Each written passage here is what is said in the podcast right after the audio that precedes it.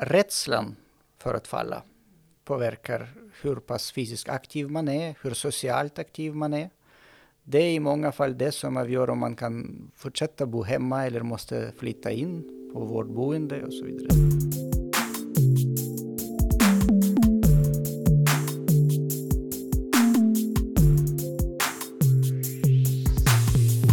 Hej och välkomna till avsnitt 20 av FoU-podden.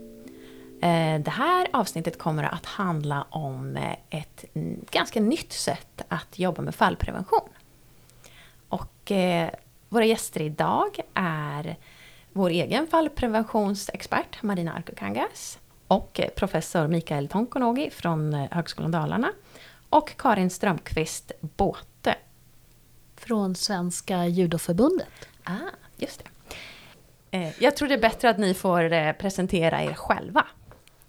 Marina Arkokangas heter jag och är FoU-chef här på FoU Sörmland och har ett specialintresse för fallprevention. Mm. Jag heter Mikael Tonkonogi. Jag är idrottsfysiolog. Jag är professor i medicinsk vetenskap vid Högskolan Dalarna. Och mitt område är fysisk aktivitet och dess effekter på människokroppen. Karin Strömqvist Båt heter jag och jag är projektledare för Svenska judoförbundets projekt Judo for Balance som vill lära hela svenska folket att falla. Mm. Det låter bra. Ja, men varför är fallförebyggande så himla viktigt? Det är viktigt av flera anledningar. Dels just en fallolycka betraktas som den händelsen som en gång för alltid förändrar en människans liv. En äldre person som faller, även om man återhämtar sig från sina fysiska skador, livet kommer aldrig bli sig likt. Det är just den händelsen som förändrar det mesta. Dessutom är fallolyckorna väldigt frekventa. Det är många människor som drabbas.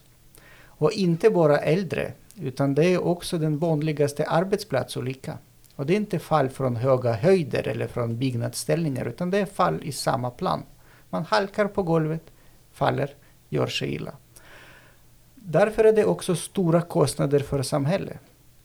Man beräknar att även om vi bara tar med sjukvårdskostnader, rena sjukvårdskostnader och inte tittar på alla kostnader runt omkring så rör det sig om 25-26 miljarder årligen. Det vill säga det är halva Sveriges försvarsbudget som ryker. Så det är både lidande för individer, för familjer och stora kostnader för samhället. Och som sagt, det går igenom alla ålder, åldrar, alla yrkeskategorier, det drabbar många människor. Och det är också något som går att förebygga. Det är därför fallförebyggande insatser är så angelägna och relevanta, för att man kan göra någonting åt det. Och man kan göra någonting åt det ganska billigt och effektivt. Då kan jag tillägga lite där. För att jag tänker på när du pratar om de här kostnaderna på 25-26 miljarder. Så är det faktiskt så att äldres fallolyckor kostar 11,1 miljarder av dem. Så att det är ju inte bara ett äldre problem det här med fallolyckor. Så att man behöver ju också börja titta mer på att man faktiskt faller i alla åldrar. Jag läste en studie i häromdagen från USA där man har tittat på en jättestor grupp, allt mellan 18 och uppåt då och då ser man att de som faller och skadar sig, det är likvärdigt i alla åldersgrupper. Man har delat in i tre olika grupper. Så från mellan 18 och 40-årsåldern så är det ungefär 30 procent av de som faller och skadar sig. Och i medelåldern då mellan 40 och 65 så är det också runt 30 procent. Och sen är det i den äldre gruppen så är det lite högre, då är det 35 procent som faller och skadar sig. Så att det är ett problem i alla åldrar. Och mm. det tycker jag man ska lyfta. För man pratar mycket om äldres fallolyckor men, men det det är något som drabbar alla. Men det du också sa var att även när man har blivit frisk så att det påverkar livet för ja, specie Speciellt hos äldre personer. Rädslan för att falla mm. påverkar hur pass fysiskt aktiv man är, hur socialt aktiv man är. Det är i många fall det som avgör om man kan fortsätta bo hemma eller måste flytta in på vårdboende och så vidare. Så det, det är sånt som inte går obemärkt. Okej, okay, så även om man blir bra rent ja. fysiskt så ja. ligger det kvar en oro? Det ligger kvar en rädsla och tyvärr är det så att ju mer rädd man är för att falla desto större är risk att man faktiskt faller. Mm. Så har man fallit en gång så finns det en stor, stor risk att man gör det om. Igen. Och vad kommer det sig då? Just av den här rädslan. Man, förmodligen spänner man sig Mm. och då, då rör man sig inte lika naturligt, lika avslappnat och inte parerar balansförluster lika bra på samma sätt. Det ska vi titta på i vår kommande studie som vi kommer att starta i höst. Okej, spännande. Se hur rörelsemönstret påverkas. Men ni håller ju då på med att testa nu judo som fallförebyggande träning. Jo, för det finns två komponenter kan man säga i de insatser som man riktar in sig på för att förebygga fallolyckor. Dels vet man att olika fysiska kvaliteter har ett samband med risk att falla. Och genom att träna upp en människas styrka, snabbhet, balansförmåga kan man reducera risken att falla. Och den andra komponenten är just den här rädslan för att falla. Och är det så att man kan lära ut fallteknik till människor så att människor blir trygga att även om jag skulle falla så kommer du inte skada mig. Då är förhoppningen att man reducerar rädslan för fall och på det sättet minskar fallolyckor, minskar risken för falla. Och det är därför judo kom som en naturlig del. Mm. Och Karin som är en judoexpert, har svart bälte i judo, hon har le- lätt arbete med att utveckla judoförbundets fallförebyggande Mm. modell. Kan inte du berätta lite om det Karin? Ja, gärna.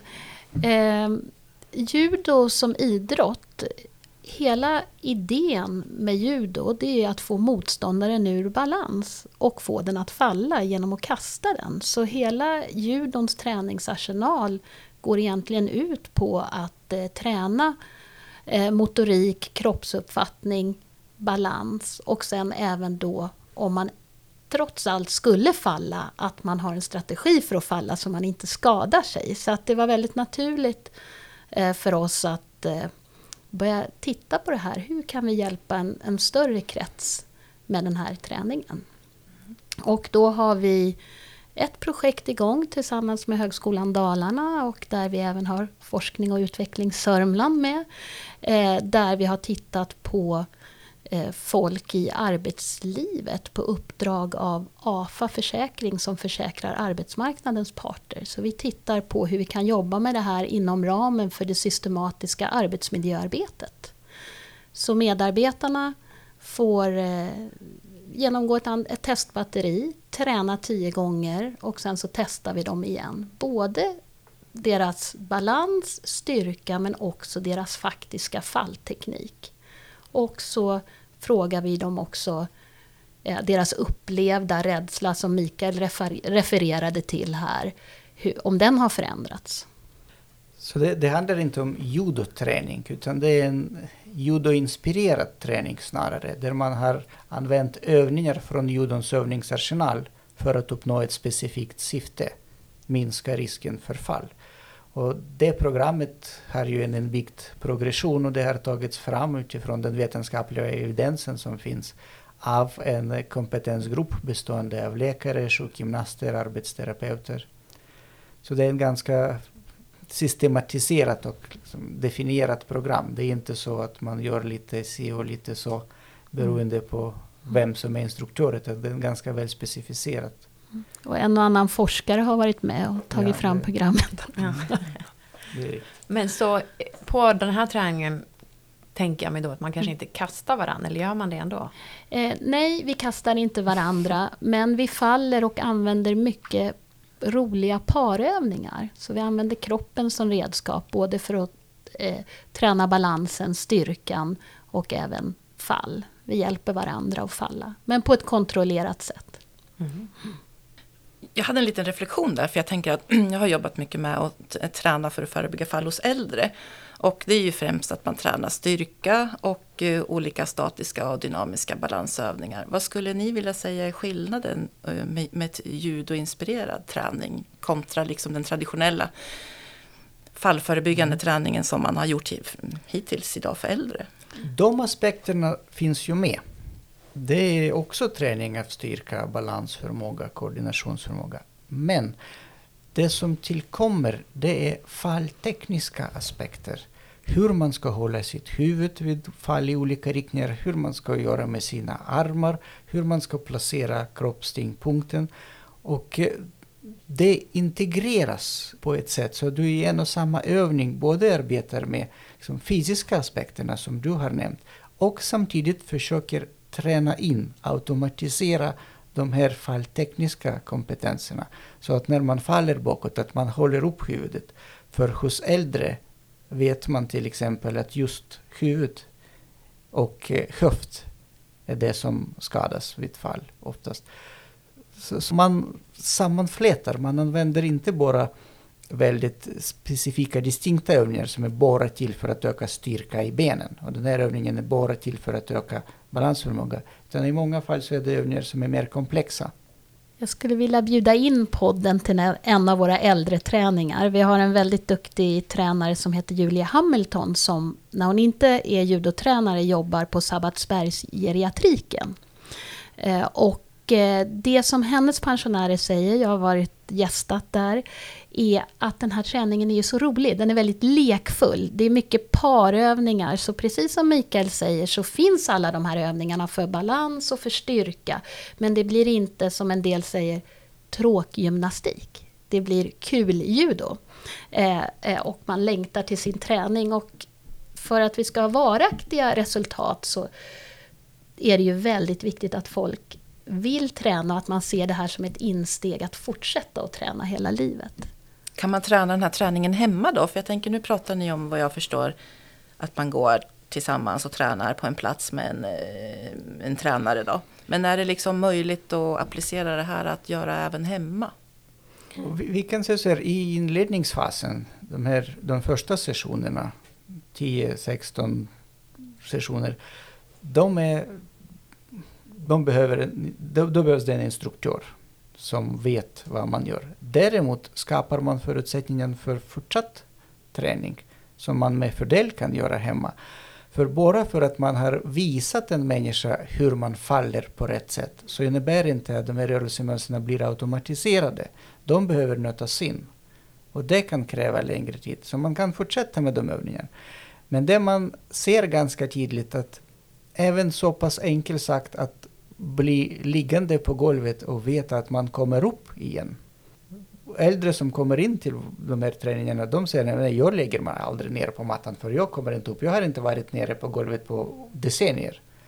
Efter de här tio sessionerna så känner de sig stolta. Titta, jag kan falla och jag kan resa sig upp. Det innebär att möjligheten att träna hemma på egen hand blir helt annorlunda. Jag blev väldigt imponerad av en pensionär som hade tränat med en judotränare på Tierp i samarbete med Tierps vårdcentral och Tierps judoklubb. Och hon närmade sig väl 80 år och hon slängde sig ner på golvet och föll baklänges och då så sa jag oj vad du har lärt dig på, det var ett 16 veckors kurs. Jag tränar varje dag hemma på trasmattan, så. Men det är nog inte att rekommendera om man inte som Mikael säger har gjort sina 16 gånger först. Eh, för jag tänkte just på det där, hur börjar man med de som är äldre och väldigt orörliga och som kanske då inte har varit nere på marken på många, många år.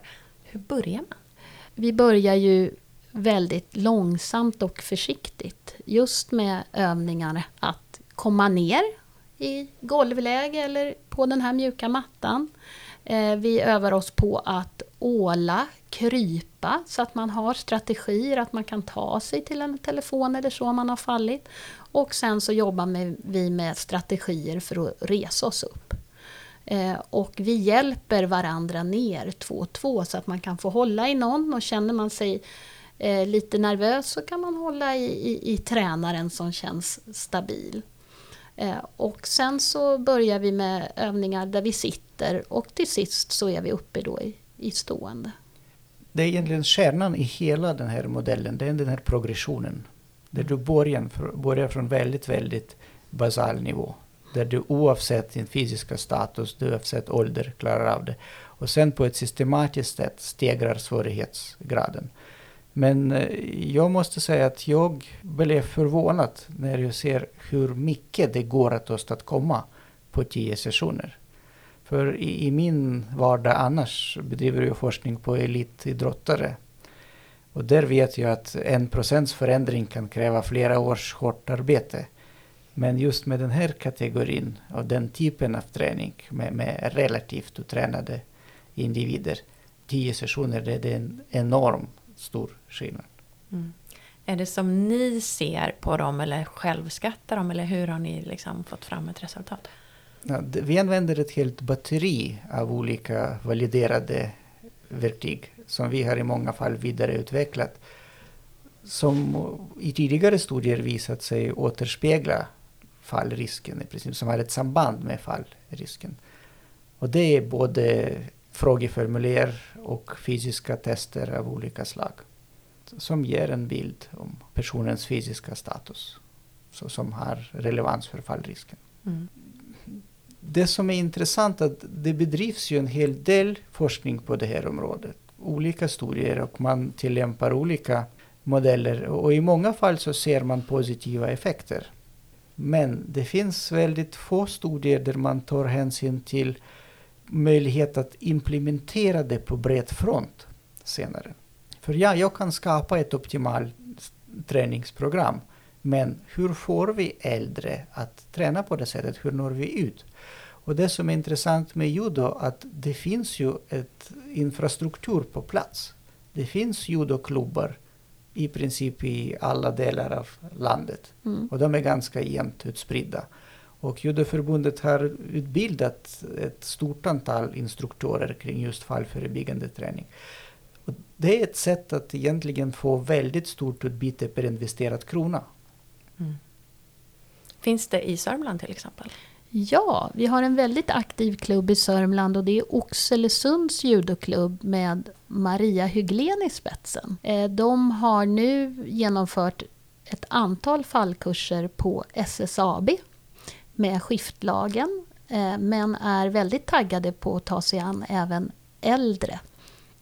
Och jag tänker att jag flikar in lite där som du sa Mikael om progression. För att jag har ju då i min forskning sett att det är ju svårt att få till det här med progression och att utmana balansen. Alltså för äldre, äldre har svårt att eh, genomföra träning till exempel på egen hand där man utmanar balansen på en hög nivå. Vilket som oftast krävs för att man ska få en effekt av träning. Det räcker inte att man står på ett ben om man inte har något problem att stå på ett ben utan man måste hela tiden utmana sig. Så det är ju en utmaning att få att hitta den här träningen som man både kan se progression och utmana balansen så att man liksom ligger på gränsen till att man hela tiden förbättra sig. För man behöver ju, med, i alla fall med stigande ålder, så behöver man ju verkligen träna för att bibehålla sina funktioner. Men jag tänker också att det här är intressant när vi tittar på den här yngre målgruppen. De tänker nog inte själva kanske att de är i riskzonen för att falla. Eh, så det är väldigt intressant att se hur, hur det blir efter en sån här träningsperiod och vad man, kan, vad man har för utgångsläge och faktiskt vad man kan åstadkomma med, med judoträningen då, tycker jag. Marina, det du säger om balans är, är väldigt intressant. För att jag ska bjuda med dig här nu så ska vi ha lite träning tillsammans. Men det är just att utmana balansen när man är två är ju lättare. För då kan man ju putta på varandra, man kan göra lekar där man utmanar varandra. Så då får man det här, den här ytterligare utmaningen i balansen utan att man, man tänker på det. Samtidigt så måste man ju känna trygghet. Så att kunna Precis. Mm. skapa den här utmaningen som framkallar adaptiva förändringar som mm. framkallar anpassningsförändringar utan att äventyra säkerhet och Precis. utan att mm. man ska känna sig otrygg. Mm. Det är den problematiken som den här modellen låser på ett ganska bra sätt. Mm. För det är det man har sett att eh, det går ju jättebra att utmana balansen när man har en erfaren ledare med sig. Men sen när man är hemma och ensam så, så törs man inte utmana mm. sig på det viset. Och då blir det oftast ingen effekt av det man gör, tyvärr. Mm. Jag tänkte också att det är en väldigt trygg miljö inne i judohallen med den här mjuka mattan och det här eh, Känner man ändå sig trygg när man kommer till vanliga hårda golv eller gatan eller vad det nu är sen? Oj, det är en, en svår fråga och det behöver man nog forska mer på. Men eh, det vi redan hör och som tränare, eller vi hör av tränare, det är att folk kommer tillbaka till nästa termin och säger jag föll på gatan och jag gjorde som jag hade lärt mig. Jag tänkte inte på det, jag höll upp huvudet eller jag satte inte ut armen, jag trillade på cykeln. Eh, så att någon slags eh, överföring verkar vi kunna få efter bara en, två terminer. Ja. Jag vet inte om du vet mer om det här Mikael? Jo, det hela handlar ju om att automatisera ett rörelsemönster. Det är ju inte så att du tänker när du faller hur jag ska hålla kroppen och hur jag ska hålla mina armar, utan det sker ju helt automatiskt. Det är väldigt snabba förlopp. Och har du automatiserat ett rörelsemönster på en mjuk matta spelar det ingen roll om du faller på vilket annat underlag som helst, då kommer du reagera exakt likadant. Om du har automatiserat rörelse, om du har tränat in det. Ja, ja, men det förstår jag i och för sig. Men jag tänker mer att det här att vara rädd för att falla, att det påverkar. Att man kanske ändå är räddare för att falla på en isig gata än inne i judolokalen. Fast det handlar väl egentligen om att hantera situationen? Ja, ju, ju, ju, eh, om man är säker på att man kommer upp ifall man har fallit, om man vet att man har den här intränade falltekniken med sig, att rörelsemönstret sitter där, då blir du trygg på alla underlag oavsett situationen. Det är klart att en isig gata tror jag alltid kommer upplevas som mer hotfull än en mjuk judomatta. Men vi tränar ju också ganska mycket olika gångstilar och förflyttning och fjädring i benen. Eh, och det är ju sånt som man kanske kan ha nytta av då när man går på en hal gata. Ja, jag tror ju självklart. Jag tror, jag tror på den här träningen. Det låter faktiskt jättebra. Men jag tänker det, det är lite så med all träning för att det man ser om man har en rädsla för att falla till exempel och så vilken träning man än gör oavsett så skapar det en, en det stärker självkänslan när man också om man känner att man blir starkare, man blir säkrare och det är ju, det är ju liksom den psykologiska delen som träningen kan bidra till att man får den känslan att man är inte lika otrygg. Och det är ju det träningen kan ge i den situationen. Vi hoppas ju ha lite mer resultat eh, till hösten just för vi frågar om, om de här hur trygg man känner sig eller hur säker man känner sig på att man inte faller när man gör andra vardagliga sysslor utanför så att säga judolokalen. Det finns ju även en annan sida av problematiken. Till exempel vet man att män skadar sig när de är äldre i mindre omfattning än kvinnor. Men däremot när de väl faller så blir skador av svårare art. Likväl vet man att om man hjälper äldre med att eh, korrigera sin problematik, genom man ger dem nya glasögon som passar bättre. Konstigt nog så ökar fallrisken. Man blir lite för kaxig med andra ord. Och äldre män i många fall överskattar sin förmåga och därför faller. Så genom att delta i en sån här program, dels lär man sig att falla rätt, man blir starkare, men också får bättre självkännedom. Vad är det jag egentligen klarar av, vad jag inte klarar av? Och då kan man reducera fallrisken även på det sättet. Så att man får helt enkelt bättre kännedom om hur fungerar jag i olika situationer. Vad, vad har jag för kapacitet för att klara av? Och jag tror att även den sidan behöver tas i beaktande. Och jag flikar in där, för det är ju helt rätt. Fler kvinnor faller, men fler män dör av en fallolycka än kvinnor. Och det är just det här att man är, man är lite våghalsig. Ja. Klättrar upp på taket och gör så. Man tror mycket om sig själv. Det är hypotesen man har. Mm. Om man skulle vilja veta mer nu om det här och kanske börja träna själv, var, eller rekommendera det till någon, var hittar man mer information? Man kan bland annat gå in på Svensk Judos hemsida, www.judo.se. Och där finns det en flik som heter fallprevention. Där kan man klicka om man är intresserad av fallträning för barn, eh, de i arbetslivet eller äldre. Man kan även gå in på AFA Försäkrings sida om man är intresserad av det här programmet som handlar om att inkludera det här i sitt systematiska arbetsmiljöarbete. De har också information. Och sen vet jag att det finns annan information att tillgå om fallprevention generellt. Jag lämnar över till dig Marina. Jaha, ja men då kan väl jag passa på att berätta lite om eh, ett, ett, en träningsform för äldre som eh, jag då hade i mitt avhandlingsarbete som heter Otago Exercise Program. Och där har vi på FoU Sörmland tagit fram en app till exempel. Eh, där just en evidensbaserad träning finns för seniorer att ladda ner då på, från Google Play. Det här är för Android-telefoner så att det, det funkar bara på, på den. Men Det är ett enkelt träningsupplägg som man väljer själv övningar och det är styrka och balansövningar men det handlar ju där också om att man ska välja vilket stöd man ska ha för att känna sig säker och tänka på att man ska öka på när man börjar känna att träningen känns för lätt. Men det kan jag tipsa seniorer om att eh, ladda ner och träna efter den start i alla fall. Och vad heter appen? Den heter Otago Classic. Det finns mer information på vår hemsida, FoU Sörmland. Ja, vi lägger som vanligt länkar i texten. Ehm, jo, det var en sak jag tänkte. Om det nu är så att eh, man, man tycker det här med judo som fallförebyggande låter jättebra men det finns inte just det här programmet som ni jobbar med i den stad man bor. Skulle det funka att gå på vanlig judo? Eh, ja och nej. Vi har många judoklubbar i Sverige som har väldigt bra eh, nybörjarträning för vuxna.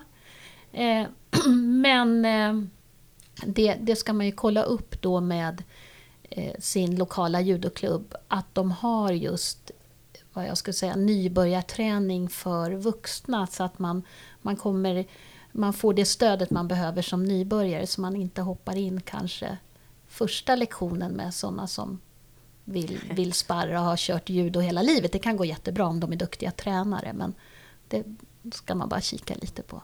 Mm. Och barn kan, där är det ju alla judoklubbar i Sverige, alla 180 klubbar eller ställen har ju nästan barnträning och där ingår ju fallträning och de här kvaliteterna naturligt. Så för barn är det väldigt enkelt att bara söka upp en klubb. Mm. Men kan man börja i vilken ålder som helst? Japp, man kan börja när som helst på mm. judo. Vad bra. Mm. Ja, men då får jag tacka så jättemycket för att ni kom hit och ganska långt har ni åkt också. Tack, tack. så mycket.